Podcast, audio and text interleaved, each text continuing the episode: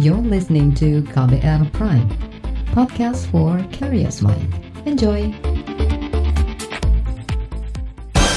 Saatnya Anda dengarkan Ruang Publik KBR. Selamat pagi, kita berjumpa kembali dalam Ruang Publik KBR bersama saya Don Brady dengan tema pagi hari ini, potensi KDRT selama pandemi. Saudara, selama pemberlakuan pembatasan aktivitas akibat pandemi COVID-19 ini, LBH Apik Jakarta menerima 75 pengaduan kasus kekerasan. Laporan yang masuk dari tanggal 6 Maret sampai 10 April 2020 ini setengahnya adalah kekerasan dalam rumah tangga atau KDRT. Dalam dua pekan pertama pemberlakuan pembatasan aktivitas saat pandemi, jumlah kasus kekerasan yang diterima LBH Apik tertinggi yang pernah mereka terima dalam dua pekan yaitu 59 kasus. Seperti apa potensi KDRT selama pandemi ini? Seperti apa dampak psikologisnya? Berikut ini kita akan dengar penjelasan Siti Mazuma, Direktur LBH Apik Jakarta dan Nirmala Ika, psikolog dewasa and like mind, sebuah lembaga konsultan psikologi bagi individu dan organisasi. Di segmen ini kita akan mendengarkan penjelasan Direktur LBH Apik Jakarta Siti Mazuma soal kasus kekerasan, terutama kekerasan dalam rumah tangga atau KDRT yang masuk ke LBH Apik dalam satu bulan terakhir. Direktur LBH Apik Jakarta Siti Mazuma berbincang dengan jurnalis KBR Fitri Anggreni. Mbak Siti, mengapa pelaporan ke LBH Apik terkait kasus kekerasan, terutama kekerasan dalam rumah tangga selama masa pandemi ini terbilang cukup tinggi? Uh, yang pertama, dampak COVID ini kan uh, membuat orang jadi uh, beraktivitas di dalam rumah ya, sehingga memicu ketegangan-ketegangan selama ini yang terjadi, terus uh, relasi kuasa juga selama ini uh, di budaya patriarki kita tahu bahwa laki-laki sebagai uh, kepala rumah tangga, jadi dia mencari sasaran. Uh, salah satu adalah istrinya yang menjadi uh, korban atau menjadi orang yang dianggap lemah. Dan itu uh, menjadi siklus yang sangat berulang ya yang terjadi di LBH Jakarta karena kita sendiri tahu bahwa korban-korban yang berani lapor KDRT itu bukan hanya persoalan sekali dua kali dia alami bahkan itu tahunan.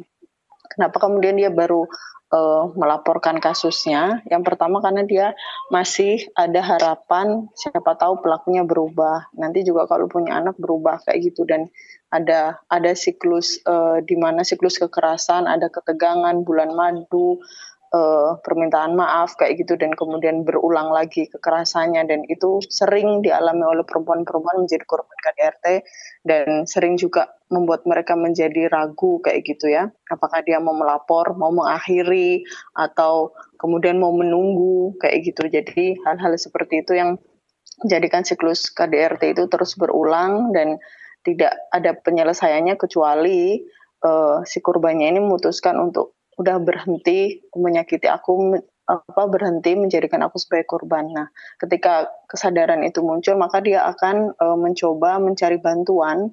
Tidak harus ke LBH ya. Kalau misalkan dia tidak tahu LBH apik, mungkin dia bisa cerita dengan orang-orang terdekat atau mungkin dengan e, apa e, orang yang dia percaya seperti itu. Nah, e, dia butuh penguatan, butuh e, pemulihan, Kemudian kalau dia punya keberanian untuk uh, melaporkan ke LBH untuk proses hukum, uh, kami dukung. Sebenarnya saya mau klarifikasi, 59 kasus itu tidak murni KDRT saja, tapi kekerasan terhadap perempuan pada umumnya gitu. KDRT tetap yang menjadi kasus paling tinggi gitu ya.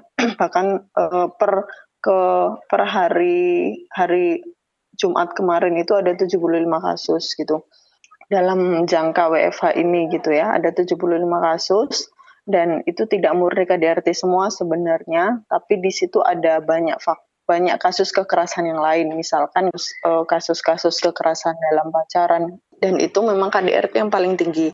Saat kasus positif corona ditemukan di Indonesia, pemerintah mulai memperlakukan pembatasan sosial dan juga jaga jarak dan ini tentunya mempersulit akses untuk datang langsung melapor dan semua dilakukan secara online. Bagaimana dengan orang-orang yang mempunyai masalah atau mengalami kekerasan dalam rumah tangga tetapi tidak punya akses, tidak punya akses internet ataupun handphone misalnya. Apa yang bisa mereka lakukan?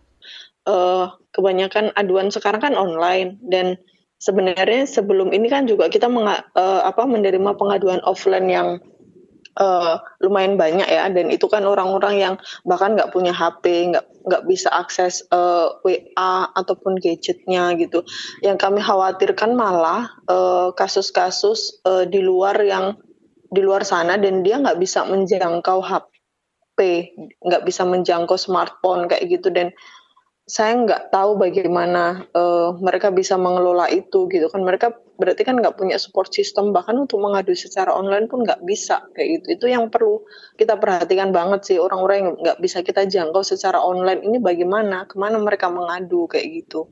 Bagaimana mereka apa uh, mengelola situasi di rumah bersama pelaku sementara mereka tidak tahu ke mana harus mengadu. Itu yang perlu kita pikirkan bersama sih bagaimana menjangkau perempuan-perempuan korban KDRT yang dia nggak nggak nggak bisa menjangkau sistem yang saat ini kita bikin gitu.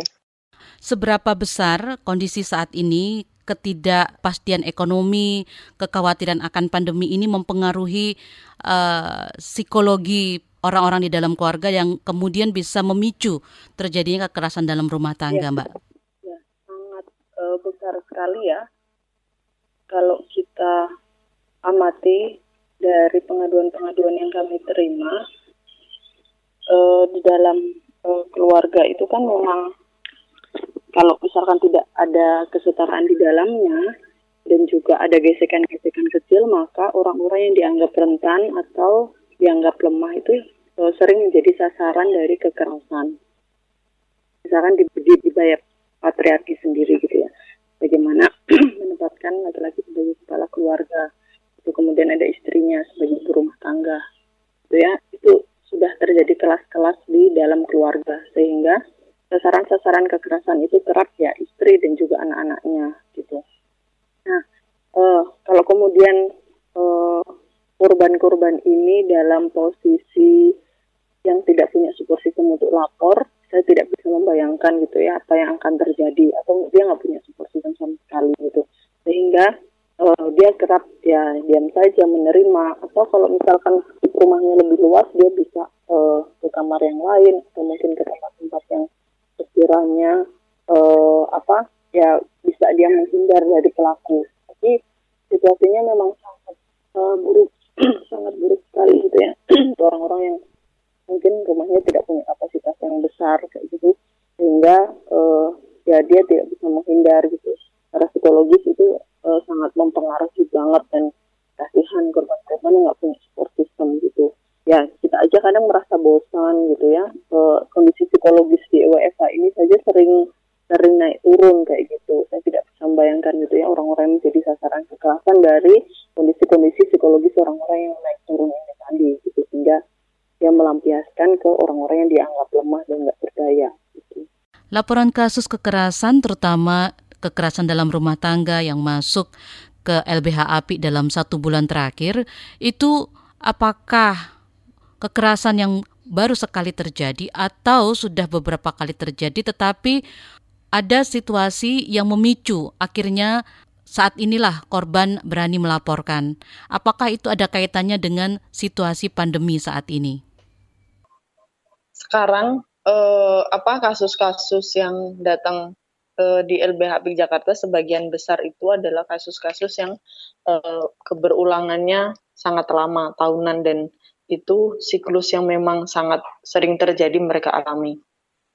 Nah, eh, tapi eh, kita juga tidak memungkiri ada uh, satu kasus yang kemudian dia berani melaporkan dan itu menurut kami sangat luar biasa sekali gitu. Nah untuk orang-orang yang uh, sudah tahunan puluhan kali mengalami siklus kekerasan terhadap perempuan atau KDRT ini uh, biasanya orang-orang memang sudah puluhan tahun menikah gitu ya, kemudian dia tidak bisa keluar dari uh, siklus kekerasan karena uh, dia merasa bahwa ada harapan suaminya akan berubah, nanti kalau punya anak juga berubah dan uh, itu tadi siklus kekerasan yang tadi saya sampaikan, ada ketegangan, kemudian uh, kekerasan terjadi, permintaan maaf, uh, siklus bulan madu, kemudian ketegangan lagi, kekerasan terjadi lagi kayak gitu. Dan uh, biasanya harapan-harapan itu yang disampaikan oleh perempuan-perempuan yang datang. Kenapa baru uh, melapor ke LBH Jakarta? Karena saya berharap suami saya masih mau berubah kayak gitu. Dan uh, apa karena ini masih dianggap uh, aib keluarga kayak kayak gitu. Jadi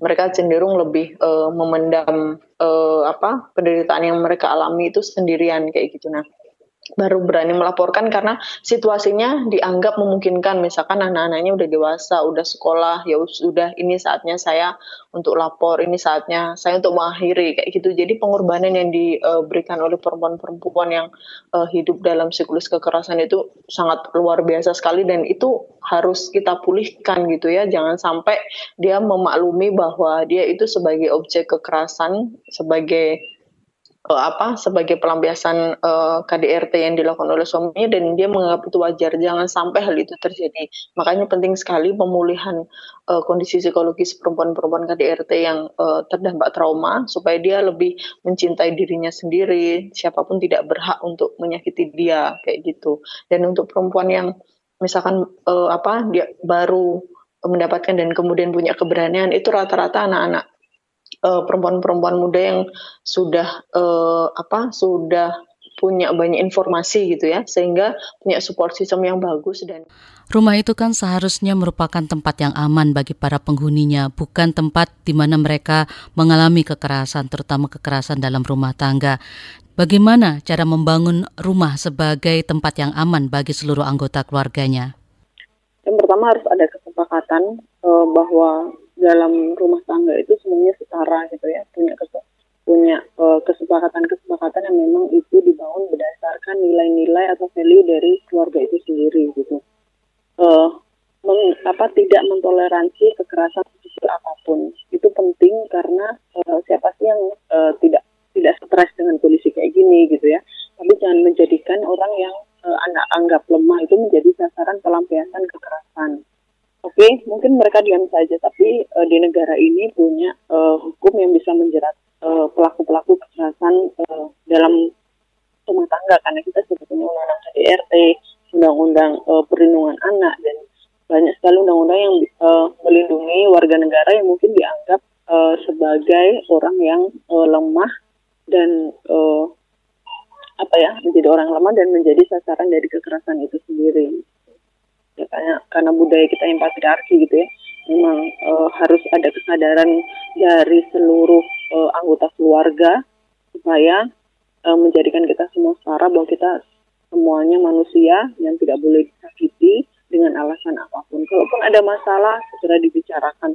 Cari support system yang e, sekiranya bisa kita akses ketika misalkan ada masalah-masalah gitu. Ada kalau misalkan pengen marah banget ada istilahnya itu kita uh, punya time yang ya apalah uh, yang bisa kita lakukan gitu kan. Mungkin kita bisa menyendiri dulu atau bagaimana gitu kan.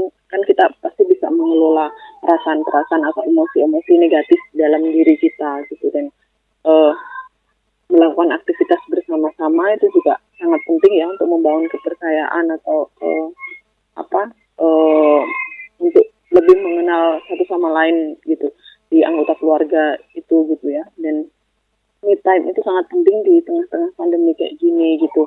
Jadi apa yang uh, disukai apa yang membuat gembira lakukanlah gitu. Karena uh, perlu yang bisa menjaga kesehatan mental kita adalah kita sendiri gitu. Tapi minta tolong kalau kesehatan mental anda sedang terganggu jangan sakiti orang yang anda anggap lemah kayak gitu itu itu uh, menjadi pesan sekarang sih supaya tidak semakin banyak lagi orang menderita kalaupun anda sedang sedih, Anda sedang marah, lampiaskanlah kepada hal-hal yang uh, positif, berolahraga, uh, apa? Kan banyak tuh kelas-kelas online yang ya yang bisa kita ikuti kan dan itu mencerahkan semua. Ruang Publik KBR akan kembali setelah jeda masih dengan tema potensi KDRT selama pandemi. Masih Anda dengarkan Ruang Publik KBR. Anda masih mendengarkan Ruang Publik KBR dan jurnalis KBR Fitri Anggreni dengan psikolog dewasa Enlightenment Nirmala Ika tentang dampak psikologis akibat kekerasan dalam rumah tangga. Mbak Nirmala, saat pandemi ini semua orang harus berada di rumah, setiap hari bertemu dan tentu ini bisa menimbulkan rasa bosan bahkan konflik di antara para penghuni rumah. Nah, mengapa situasi seperti saat ini rentan menyebabkan konflik, Mbak? Oke, ya tadi sebenarnya Mbak sempat bilang juga kan bahwa situasi ini membuat kita bosan ya. Tapi sebenarnya yang lebih dalam lagi itu tidak hanya bosan karena di rumah, tapi sebenarnya situasi ini kan membuat orang merasa gelisah, karena dia berada tidak dalam ketidakpastian gitu. Terus terbiasa biasa apa apa kita bisa beraktivitas di luar ini jadi enggak. Ini akan sampai kapan situasinya? Kemudian bagaimana dengan perekonomian? Masa dalam arti uh, pekerjaan saya akan secure apa enggak itu semua situasinya sangat nggak nyaman. Dan kita harus adaptasi lagi dari yang mungkin yang biasanya di keluar dari pagi sampai malam di rumah hanya sebagai tempat istirahat ibaratnya untuk tidur. Sekarang dia harus banyak berkegiatan di rumah jadi nggak biasa ibaratnya kayak gitu ya. Itu aja membuat orang banyak orang akan jadi cenderung gelisah. Kayak apalagi orang-orang yang memang kita suka bilang apa ya dapat energi itu dari luar gitu loh. Kalau berinteraksi dengan orang kalau mengerjakan sesuatu. Nah ini kan membuat dia jadi aduh ini kok kayak ngapain ya? Bingung ya kayak gitu. Adaptasi lagi ya. Ini cukup shocking buat kita. Karena kan kita sebelumnya awalnya ah nggak apa-apa aman aman aman kok. Tiba-tiba kena dan jeder langsung uh, di apa sekolah dihentikan, pekerjaan juga dilakukan di rumah dan itu orang tuh kayak belum siap-siap gitu loh mbak. Nah itu jelas jadinya kita juga mau nggak mau akhirnya secara nggak sadar karena di rumah kita sendiri dengan pikiran yang udah nggak tenang gitu, kita kemudian juga harus dealing dengan masalah sehari-hari yang di rumah yang selama ini mungkin kita uh, tidak ada naso atau kita hindari malah gitu loh. Karena banyak orang-orang sebenarnya yang keluar rumah entah itu bekerja, entah itu bersosialisasi, itu untuk salah satu adalah menghindari hal-hal yang terjadi di rumah. Gitu Berjarak dengan situasi-situasi yang terjadi di rumah. Nah sekarang mau nggak mau, dia harus hadepin kan. Tiap hari ketemu situasi bisa macam-macam ya. Misalnya ya tadi, uh, konflik dengan pasangan, atau bahkan yang sesimpel nih kalau uh, kita suka lihat sekarang ibu-ibu mulai jadi harus ngadepin ngajarin anak-anaknya selama ini kan diserahkan ke guru-guru nah itu kan mulailah di situ muncul persoalan-persoalan persoalan ya kemudian sangat rentan terjadi konflik gitu tadi Mbak Nirmala bicara soal adaptasi, harus beradaptasi dengan situasi saat ini. Apa yang harus dilakukan untuk bisa beradaptasi dengan situasi saat ini? Dan butuh waktu berapa lama? Kita kan sudah satu bulan ya, lebih kurang beraktivitas di rumah ini. Apakah ini masih kurang lama atau bagaimana? Nah, sebenarnya balik lagi mudah apa enggak sebenarnya akan balik lagi ke bagaimana kita sebagai individu Mbak melihat ini. Ada banyak di diri kita or kita cenderung ibaratnya kalau kayak di psikologi itu kita suka bilangnya kita suka deny, kita suka menolak. Kita nggak mau menerima kenyataan bahwa sekarang ya memang kita harus seperti jalanin seperti ini gitu kan karena mau nggak mau jadi kita salah satu contoh-contoh dina yang kita lihat ya mungkin kenapa kayak uh, apa tuh kemarin kita, pembatasan juga dianggap kurang oke okay, karena orang masih keluar keluar dengan berbagai macam alasannya ya nah terus dan bagaimana mencegahnya sebenarnya tadi mencoba beradaptasi dan yang bisa kita lakukan adalah bagaimana kita mencoba mengelola diri kita sendiri. Karena mau bisa dibilang gelisah iya pasti gitu. Dia ngalamin nggak cuma kita sendiri gitu. Dan sebenarnya kalau sekarang ini saya lihat di sosial media, ya bahkan di media, media, media, media bahkan ya sudah mulai banyak tuh tips-tips yang dilaku diberikan untuk bagaimana sih kita ngelola diri kita selama masa pandemi ini supaya kita bisa beradaptasi dengan cepat dengan kondisi ini. Salah satunya kan waktu itu yang dibilang misalnya, eh udah tetap kalau bangun pagi, oh tetap mandi, tetap pakai baju kerja, misalnya gitu. Dan kemudian kerjalah di laptop, apa saja di, di rumah atau apa pun gitu. Itu tetap coba biasa memang rutin ngopi. Ya ngopi tapi bikin sendiri. Misalnya dari hal yang seperti itu. Nah itu sebenarnya itu cara-cara yang bisa dilakukan untuk bagaimana kita bisa adjust dengan situasi ini gitu. Dan yang penting tadi adalah tadi menerima bahwa uh, memang sekarang situasinya begini, nggak nggak bisa dinaik terus, nggak bisa terus. Aduh, ini enggak nih paling minggu depan selesai, enggak nih dua minggu lagi misalnya. Maksudnya kita nggak akan pernah kita dalam kondisi sekarang di Indonesia kita nggak tahu nih kapan selesainya. Apalagi mau akan lebaran nih yang sekarang memang jadi sedang menjadi kewaspada beberapa banyak pihak karena kalau arus apa perpindahan ini karena mudik karena ini besar, ini pandemi akan sampai berapa lama itu kan menjadi dilematis ya. Nah, yang bisa kita lakukan yaitu tadi pertama sebenarnya balik ke diri kita dulu. Kita sendiri siap nggak nerima kondisi ini? Kita sendiri mau nggak ngelola uh, ngelola diri kita, ngelola emosi kita supaya kitanya bisa beradaptasi dengan situasi ini. Jadi tidak sibuk menyalahkan uh, pihak lain. Contohnya, nggak tahu nggak kemarin sempat lihat nggak tahu ada beredar yang viral yang ibu-ibu yang marah-marah uh, ke sekolah, ke karena merasa jadi frustasi ngadepin anaknya di di rumah dengan segala tugas-tugas yang menumpuk misalnya gitu. Ya masalahnya balik lagi guru guru-guru kan juga punya tugas kita sebagai orang tua punya tugas. Nah itu yang harus kita sadari sih berusaha kita sadari kita kelola. Situasi seperti saat ini kalau tidak dikelola dengan baik oleh para individunya maka rentan menimbulkan konflik. Nah bagaimana supaya konflik ini tidak berkembang menjadi tindakan kekerasan dan seperti salah satunya kekerasan dalam rumah tangga Mbak Nirmala? Nah, yang bisa di, kita coba lakukan itu tadi sebenarnya ini mau waktunya sebenarnya kita juga belajar memberikan ruang kepada masing-masing individu di dalam rumah. Jadi gini, banyak orang suka berpikir namanya kalau udah suami istri itu menjadi satu, apa-apa harus bareng gitu kan ibaratnya kadang kayak gitu. Uh, suami harus uh, maksudnya suami harus memahami istri istri harus memahami kan padahal kan sekarang kita masing-masing dalam kondisi yang sedang adjust tadi. Kasih mereka ruang. Ruang tuh dalam arti misalnya ya uh, hari ini istri bisa bisa bisa bilang misalnya aku mau di kamar ya gitu aku mau di kamar karena ya entah dia mau mengerjakan tugasnya entah dia perlu sendiri kasih dia ruang mungkin suami pindah dulu ke tempat lain Sebagian juga sebaliknya. Hal yang sama juga bisa dilakukan terhadap anak-anak. Balik lagi, apalagi kan anak anak tuh juga sama gelisahnya sebenarnya. Cuma kan uh, beda ya kita ngeliat usia. Mungkin kalau yang usia masih balita, ada cuma rewel. Karena mereka mungkin biasa bisa lari-lari ke mana-mana. Sekarang bahkan keluar pagar pun kita nggak izinin gitu kan itu buat anak. Jadi mungkin kita akan lihat lebih dalam bentuk rewel. Anak yang ABG mungkin bentuknya dalam pemberontakan-pemberontakan lain, misalnya curi-curi keluar rumah, apa karena sebenarnya mereka sama, sama aja gelisahnya gitu. Nah kita kasih waktu juga ruang mereka. Mungkin eh, misalnya yang paling gampang, misalnya ini ABG anak ABG kita nih mau mendiri, mengurung dulu, eh, misalnya mau di kamar dulu seberapa, ya udah biarin aja gitu kasih mereka kesempatan gak yang kita kamu ngapain di kamar seharian lu di kamar kasih aja mungkin kalau dia seharian nih mau di kamar oke okay besok kita mulai bilang misalnya aku misalnya bisa apa? Kak oh kamu dari kemarin di kamar. Hari ini jangan baik-baik di kamar. Ngapain kayak gini? Coba di luar daripada ngurung tambah ini. Jadi ajak sesuatu yang apa ya yuk kita bersama bersama. Dan kemudian mulai coba juga ciptakan uh, momen-momen menyenangkan gitu. Momen sederhana yang menyenangkan. Misalnya nonton TV bareng gitu kan. Atau bukan bahkan kayak misalnya kayak saya nih anak-anak saya kan udah ya es inilah menjelang remaja lah ya agar kita main apa? Kita main uno bareng kita lakuin gitu kan main-main kartu bareng apa pun gitu. Atau sekedar ngobrol-ngobrol bareng ngobrol-ngobrol santai. Yang jadi di mana kita tidak masing-masing sibuk dengan oh, kok saya sering nggak enak ya? Jadi nggak bisa ngapa-ngapain ya? Kok saya nggak bisa keluar? Saya nggak bisa makan misalnya kayak gitu ya.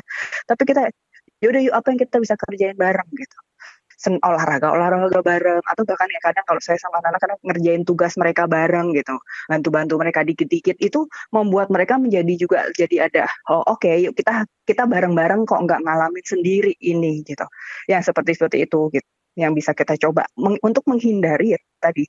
Supaya tidak jadi masing-masing emosi karena masing-masing kayak merasa minta dipahami gitu kan. Tapi nggak ada yang mau paham nah kemudian itu sangat rentan banget untuk kemudian jadi meledak dan ya, kemudian kekerasan bisa jadi lebih lebih terjadi. Tapi ketika kita mencoba meng, apa ya mencari cara-cara lah kayak gitu ya. Tadi mengelola diri saya mengelola diri ya. Tadi saya pakai tips-tips atau bahkan berkegiatan bareng atau yang, yang pasti itu memberi ruang kepada masing-masing pihak untuk mengelola bareng. Itu biasanya lama-lama mereka juga kan oh oke okay. dan memang ya udah. Mereka akan belajar ketika sendiri tadi juga untuk mengelola emosi-emosi mereka si kegelisahan mereka. Seperti itu sih mbak kadang-kadang kan orang yang mengalami kekerasan baik uh, fisik maupun verbal itu nggak tahu bahwa ternyata dia sudah mengalami kekerasan ya. Nah, kapan seseorang itu harusnya tahu dan sadar bahwa dia itu ternyata tertekan dan ternyata juga mengalami kekerasan? Iya, betul betul. Ini ini memang agak sumir karena kadang orang suka mikirnya ah ini berantem rumah tangga biasa kadang suka itu ya apa ini udah kekerasan. Nah sebenarnya kekerasan itu terjadi ketika uh, ada apa ya misalnya dari pihak satu pihak secara melakukan suatu tindakan baik itu perilaku, kata-kata, apa perbuatan lah ya, yang tujuan itu adalah untuk merendahkan, mengintimidasi atau menjatuhkan, pokoknya membuat si pihak yang satunya itu di posisi yang bahwa kamu tuh gak selevel sama aku, kamu tuh di bawah aku. Jadi ada ada ada upaya itu ke dalam kekerasan rumah tangga bentuknya bisa macam-macam ya kayak kita sama-sama tahu ada bisa fisik, bisa psikol, bisa verbal, bisa psikologis, bisa juga secara ekonomi, secara seksual pun bisa gitu. Bentuknya memang bisa beragam, tapi tujuan utama dia melakukan itu adalah untuk bilang bahwa oh kamu tuh nggak selevel sama aku kayak gitu. Dan biasanya itu memang dilakukan secara berulang-ulang. Dalam arti ulang-ulang tuh nggak harus yang hari ini besok gitu ya. Bisa ada jedanya, bisa bisa bisa sangat berjeda karena kalau kita ngomong ke ke kekerasan itu kan biasanya ada siklusnya, Mbak. Yang awalnya mungkin dari misalnya sebul setahun sekali dia baru marah dan marahnya meledak dan dengan motif yang kayak gitu, lama-lama ketika terus-terus terus berlanjut baru mulai akan menjadi mungkin dari setahun sekali, sebulan sekali, dua minggu sekali, dan lama-lama jadi setiap hari. Bisa jadi ketika itu kekerasannya tidak ditangani dan si pihak apa si pihak yang mendapat perlakuan itu juga apa ya tidak melakukan perlawanan sehingga si pihak yang mendominasi ini makin merasa bahwa dia di atas angin lah, dia benar apa yang dia lakukan benar. Nah, masalahnya lagi juga yang menjadi persoalan adalah ketika kekerasan itu sudah dilakukan berulang-ulang bahkan bertahun-tahun, kadang memang kita yang mengalami jadi nggak sadar, mbak, karena kita jadi merasa bahwa oh memang saya sudah layak dan saya sudah sepantasnya saya diperlakukan seperti itu gitu loh. Kenapa? Karena kan yang ditanamkan sama pelakunya tadi adalah bahwa kamu itu lebih rendah dari saya. Kamu tuh memang misalnya kamu tuh memang bodoh, kamu tuh tidak berguna ya kayak gitu. Dan itu masuk ber, bertahun-tahun kita mendapatkan perlakuan seperti itu akhirnya mau nggak mau akan masuk dan akhirnya kita menghayatinya sebagai oh ya iya memang saya orang yang seperti itu gitu apalagi mereka biasanya mengemasnya dengan hal-hal yang memang secara umum kita tahu uh, sering secara masyarakat umum lah itu diberikan kepada kita. Contohnya misalnya peran perempuan selalu cenderung diperankan bahwa perempuan itu yang bertanggung jawab terhadap masakan di rumah gitu. Dan ketika kita dan pasangan kita, misalnya laki-laki ini, suami ini bilang, kamu tuh nggak bisa masak banget sih, bego banget sih masak gini aja. Asin sih, lu perempuan apa bukan sih? Yang yang, yang, yang kayak gitu gitu. Mau nggak mau kita akan melihat, oh iya ya, mungkin saya salah. Mungkin uh, masakan saya nggak enak. Jadi ketika suaminya marah karena masakan dia akan melihatnya bahwa ini salah saya. Sebagai perempuan saya harusnya bisa masak. Sebagai perempuan harusnya saya tampil cantik atau hal yang seperti itu. Nah sehingga akhirnya banyak akhirnya perempuan-perempuan atau ya bahkan uh, ini ya orang-orang yang mengalami tadi posisi direndahkan baik perempuan bahkan pun anak-anak bahkan pun kadang juga ada sih sebenarnya satu laki-laki juga yang mengalami bah dia jadi nggak sadar gitu loh bahwa ini saya sudah berada dalam siklus kekerasan yang yang dia sadari adalah ini suatu relasi yang biasa terjadi di rumah ini kayak gitu. Setelah jeda ruang publik akan kembali, jangan ke mana-mana. Masih Anda dengarkan Ruang Publik KBR. Terima kasih untuk Anda yang masih setia mendengarkan ruang publik dari KBR. Masih Anda dengarkan perbincangan pagi ini dengan tema potensi KDRT selama pandemi bersama Nirmala Ika, psikolog dewasa and like mind, sebuah lembaga konsultan psikologi bagi individu dan organisasi. Mbak Nirmala, apa dampaknya bila perasaan-perasaan yang tadi sebelumnya disebutkan itu terus dipelihara oleh korban kekerasan yang tidak sadar bahwa dirinya adalah korban? Dan bagaimana situasi saat ini di mana ada kekhawatiran soal ekonomi, soal wabah, itu mempengaruhi uh, semua yang dirasakan oleh korban ataupun oleh keluarga tersebut? Iya betul. Ini kalau pertama mungkin saya ngomong dampaknya dulu ya Mbak. Tadi dampaknya tadi ya, sebenarnya tadi sempat ya, juga sedikit saya bilang bahwa ya biasanya dampaknya akhirnya kita yang mengalami kita tuh jadi berada dalam situasi ketakutan, eh, nggak uh, bisa berpikir jernih. Kita juga akhirnya merasa bahwa tidak ber, saya tuh salah. Ibaratnya kita bisa bilang konsep dirinya dia dia udah kena lah. Konsep diri kita suka kalau kami tuh di ya, kami yang suka bilang ada ada apa ya konsep diri seorang korban akhirnya kita suka bilang gitu. Di mana dia memang merasa bahwa dia layak diperlakukan seperti itu. Ini semua salah dia. Saya memang saya nggak becus memang uh, saya tidak sempurna yang yang kayak gitu-gitu. Dan itu masalahnya kan merembet ke berbagai aspek kan kalau kita sudah ngomong konsep diri kita yang kena gitu kan. Itu tuh dampaknya. Dampak apalagi ketika kekerasan itu terjadi bertahun-tahun gitu kan ya. Mungkin kalau di awal-awal ya pasti awal-awal biasanya kan cenderung lebih marah, frustasi gitu. Tapi kalau kita terus bertahun-tahun berada dalam lingkungan itu ya akhirnya yang kena adalah konsep diri karena mau marah mau mau marah juga kita ngerasa percuma gitu kan. Akhirnya ya lebih menerima, menerima dengan kondisi menganggap bahwa saya memang yang layak diperlakukan gini dan itu akhirnya jadi ke mana-mana gitu dan Uh, terus kemudian, sorry tadi apa Mbak berikutnya selain dampak, oh gimana dalam situasi pandemi ini gitu ya. Memang gini ya kayak tadi di awal saya sempat bilang bahwa kalau ketika kita bisa keluar dari rumah, entah itu bekerja apa dalam situasi sebelum-sebelumnya lah. Ini kan sebenarnya salah satu cara juga untuk dalam tanda kutip kita menghindar dari kekerasan mungkin yang ada di rumah. Jadi nggak harus ketemu sering-sering ketemu pasangan yang melakukan kekerasan, nggak harus sering-sering ketemu orang tua yang melakukan kekerasan, yang misalnya kayak gitu kan. Nah, tapi kan dalam situasi ini nggak bisa nih, kita nggak punya ke mana-mana. Nah, yang bisa yang bisa dilakukan adalah pertama adalah sebenarnya kita coba kenali support system yang kita miliki saat ini siapa. Siapa yang bisa menjadi support system itu, Mbak? Banyak uh, orang-orang yang mengalami kekerasan mereka itu suka tidak pernah tidak cerita ke orang lain gitu kan termasuk ke orang terdekat gitu kan nggak mau nggak bisa cerita ke keluarga dengan berbagai macam alasan lah. Nah kita harus kenali. Memang tidak selalu cerita ke orang tua jadi membantu gitu. Tapi makanya coba kita kenali. Kita punya support system siapa di dalam situasi ini. Apakah ada eh tadi mungkin keluarga, mungkin tetangga, mungkin sahabat kita atau siapa kita coba kenali ke siapa dini dan kita coba mulai kita coba mulai cerita deh ke mereka saya tuh ngalamin ini ini gitu loh sehingga at least ketika harapan adalah mereka jadi, jadi tahu oh apa yang terjadi di rumah kita dan kalau ada, kita perlu bantuan mereka bisa tahu bagaimana harus siap membantu um, bagaimana cara ngebantunya kita terus kemudian juga cari informasi mengenai tempat-tempat atau eh, lembaga-lembaga uh, yang bisa ngasih kita bantuan dalam situasi seperti ini. Karena di kita ngomong kalau di Jakarta bahkan di, di seluruh Indonesia gitu ya itu ada gitu. Misalnya ada tempat-tempat di mana kita bisa lari atau di dalam tanda kutip kita bisa cari bantuan. Baik misal dari di kepolisian di kepolisian ada unit PPA di mana kita bisa melaporkan misalnya. Ada Komnas Perempuan ada lembaga-lembaga di setiap wilayah yang memang membantu perempuan-perempuan ataupun masyarakat-masyarakat yang memang anak-anak itu yang mengalami kekerasan. Nah, kita cari informasi itu mana yang mungkin kita jangkau ketika kita melihat kondisi di rumah kita, situasi di rumah kita makin buruk, gitu. Nah, terteri terkait dengan teman, kalau bisa juga misalnya kita mulai, kalau saya itu biasanya mengajarkan ke klien-klien saya, mulai uh, kirim informasi-informasi yang penting ke mereka. Misalnya, kalau memang terjadi misalnya pemukulan apa-apa gitu ya, dan kita jadi ada luka fisik, ada, ada kita nggak bisa ke rumah sakit kan sekarang, kita foto kita foto, kita ini, kita kirim ke teman-teman orang-orang support system itu. Kenapa? Untuk dikip mereka supaya ada buktinya. Karena kadang kalau dikip di kita dan kemudian diketahui oleh pelaku itu dihancurkan. Jadi kita kirim, kita kirim, gitu kan. Uh, nah kemudian siapkan juga hal-hal yang dibutuhkan tadi. Misalnya tadi kayak bukti-bukti kekerasan kalau memang kita punya.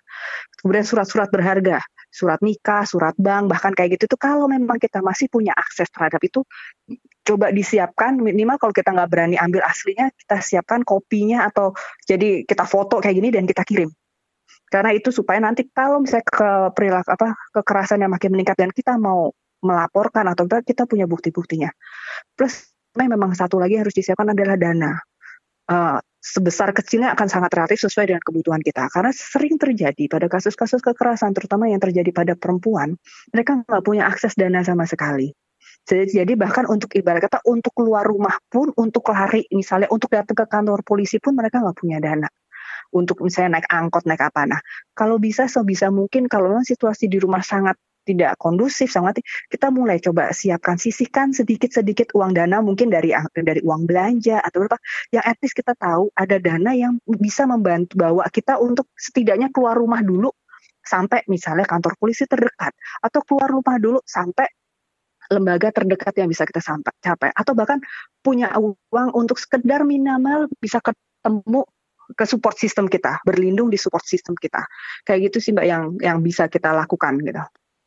Selain memang misalnya juga yang sebelum sebelum apa sambil kita juga mencoba tadi yang yang di awal mencoba mengelola emosi kita. Kenapa supaya kita juga jadi tidak mudah terprovokasi juga dengan pelaku.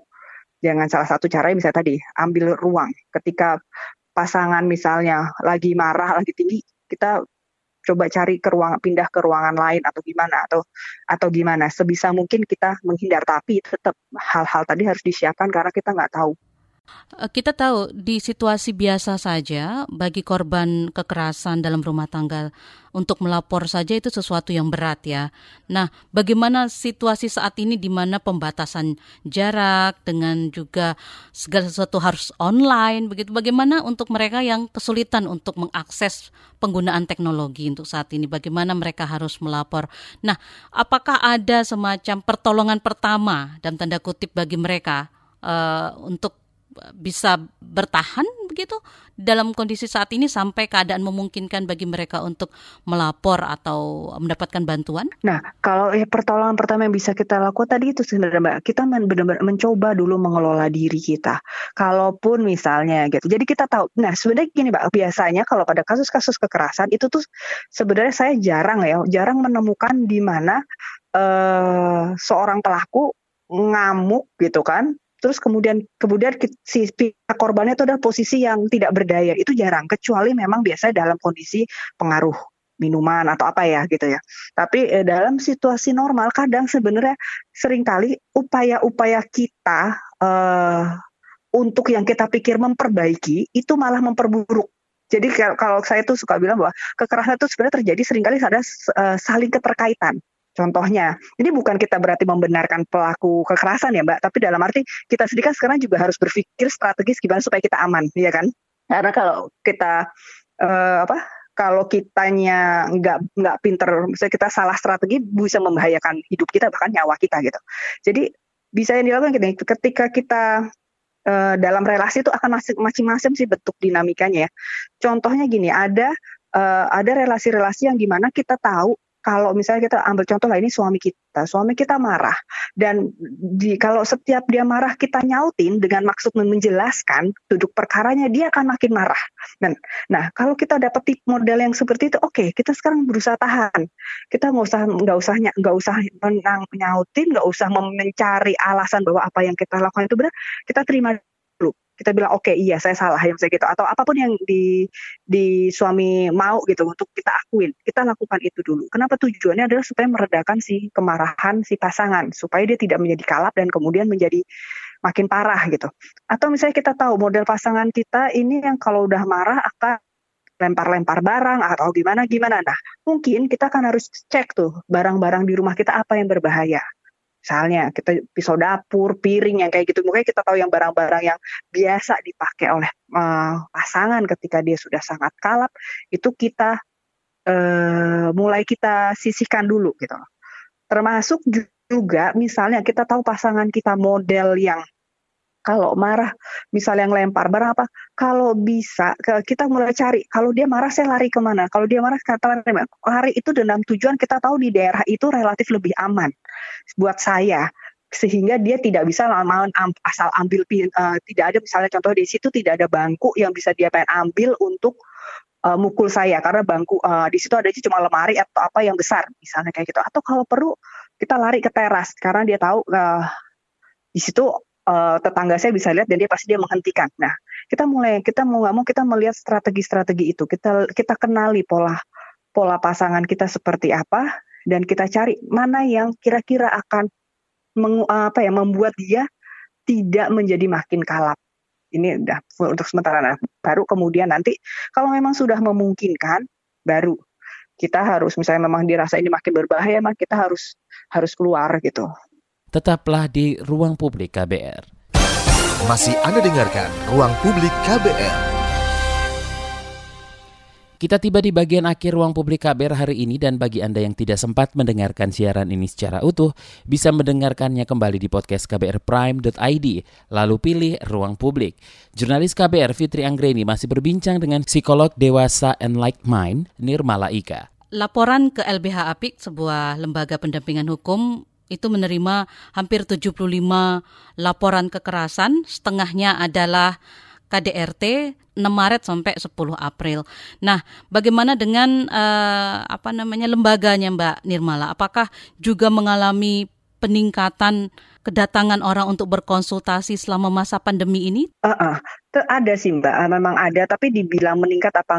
Saya sih nggak bisa bilang meningkat karena kan memang kebetulan kalau di tempat saya yang sekarang uh, kita kan memang lebih fokus banyak kan adalah bicara tentang uh, gimana ya keutuhan uh, keutuhan keluarga gitu. Maksudnya dalam arti bukan eh bukan ini sih kita ngomong bahwa kita bagaimana sih memberdayakan orang-orang untuk proses pemulihan mereka sendiri. Karena kalau kita ngomong sebenarnya kayak KDRT kayak gitu, itu sebenarnya buntut-buntutnya akan ditarik ke bahwa eh, masing-masing uh, dari kita itu perlu memulihkan diri kita sendiri termasuk pelakunya gitu kan. Nah jadi memang ada ada beberapa kasus kayak jadi uh, mulai kalau sebelumnya datang misalnya Mbak saya punya masalah ini masalah itu maksudnya masalah kepribadian masalah gini. Dan memang mulai ada sih satu, satu dua akhirnya yang lapor uh, cerita untuk karena masalah KDRT. Termasuk tadi makanya tadi saya bilang kenapa saya juga bisa menyampaikan dan persoalan dana karena itu juga muncul di isu ini kan karena bilang saya nggak bisa keluar, nggak punya dana, gini keluar juga nggak berani gitu.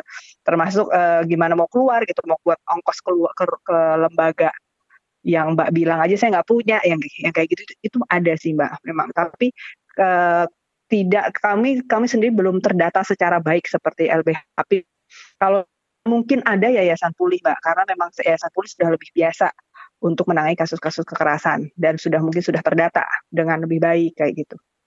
Saya sendiri saya sendiri dulu sebenarnya saya cukup lama di yayasan pulih, cuma kemudian saya sekarang membangun enlightenment ini karena dengan pemikiran mbak tadi eh, kasus-kasus kekerasan tidak hanya terjadi pada golongan ter sosial ekonomi tertentu ini pada semua golongan dan golongan-golongan menengah ini menengah ke atas ini malah belum terpapar, belum banyak yang masih belum terbuka gitu loh akan bahwa kekerasan ini juga ada loh di lingkungan mereka gitu.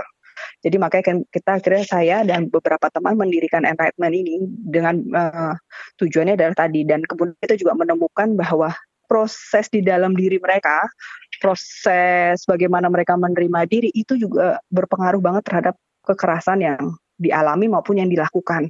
Karena ini kan kekerasan kalau kita bicara tidak hanya terjadi pada pasangan, tapi juga bahkan pada anak-anak. Dan itu kan seperti suatu rentetan akhirnya gitu loh.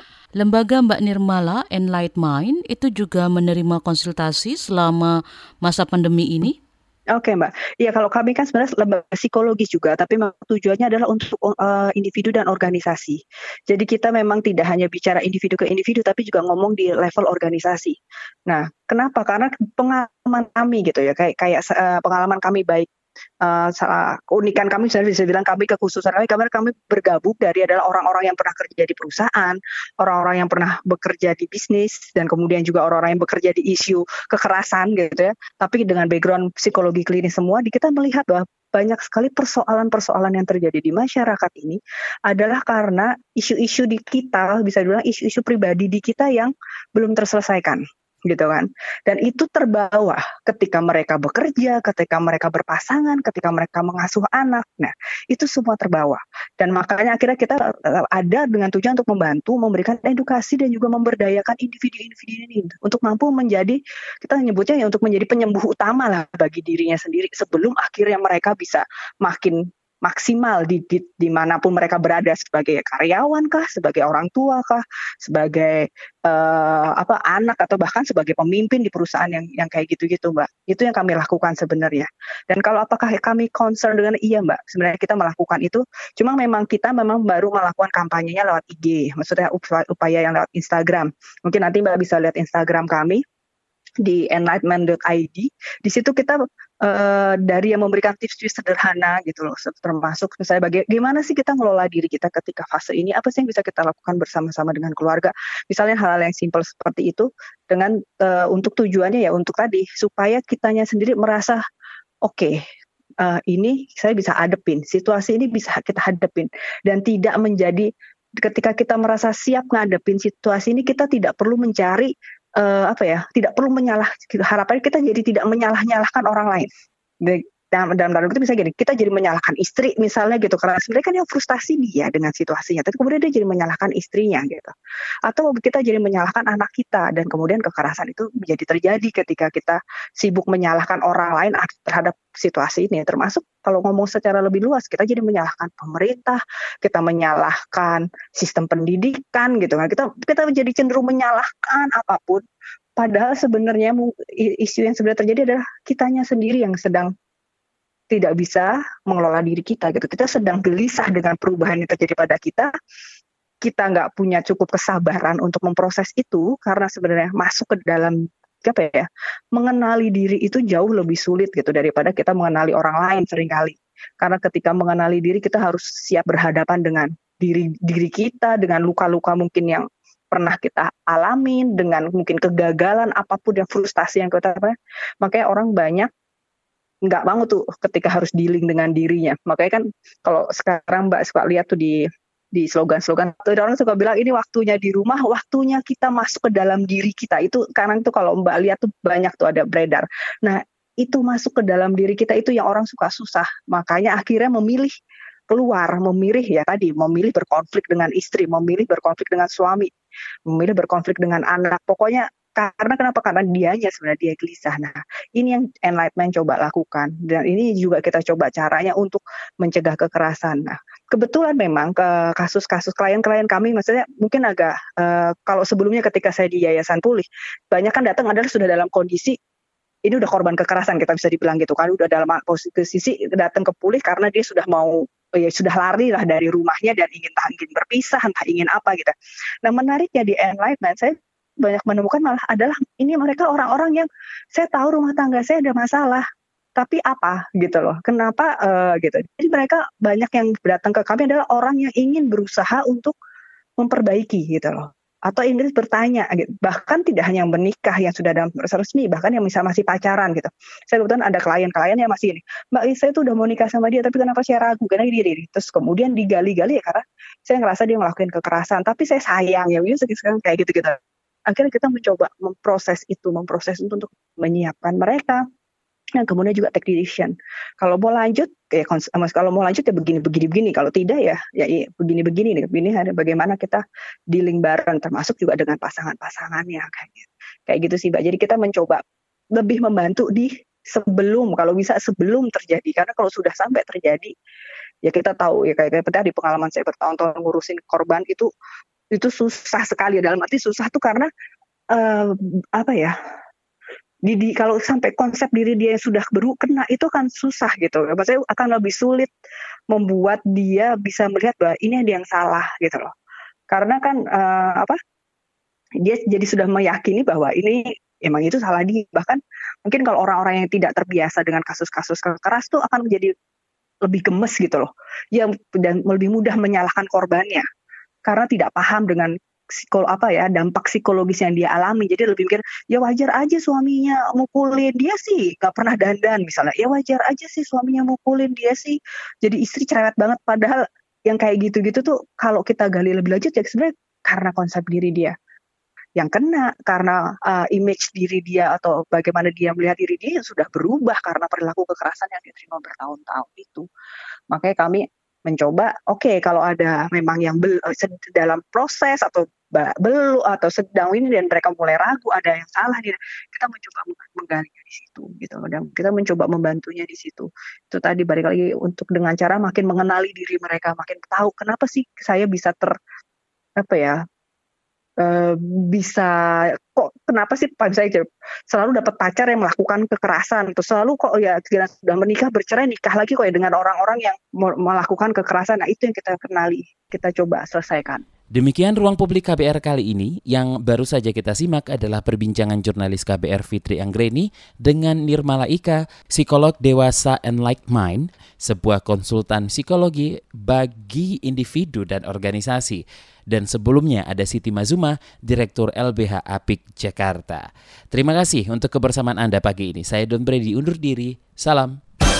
Baru saja Anda dengarkan Ruang Publik KBR. KBR Prime, cara asik mendengar berita. KBR Prime, podcast for curious mind.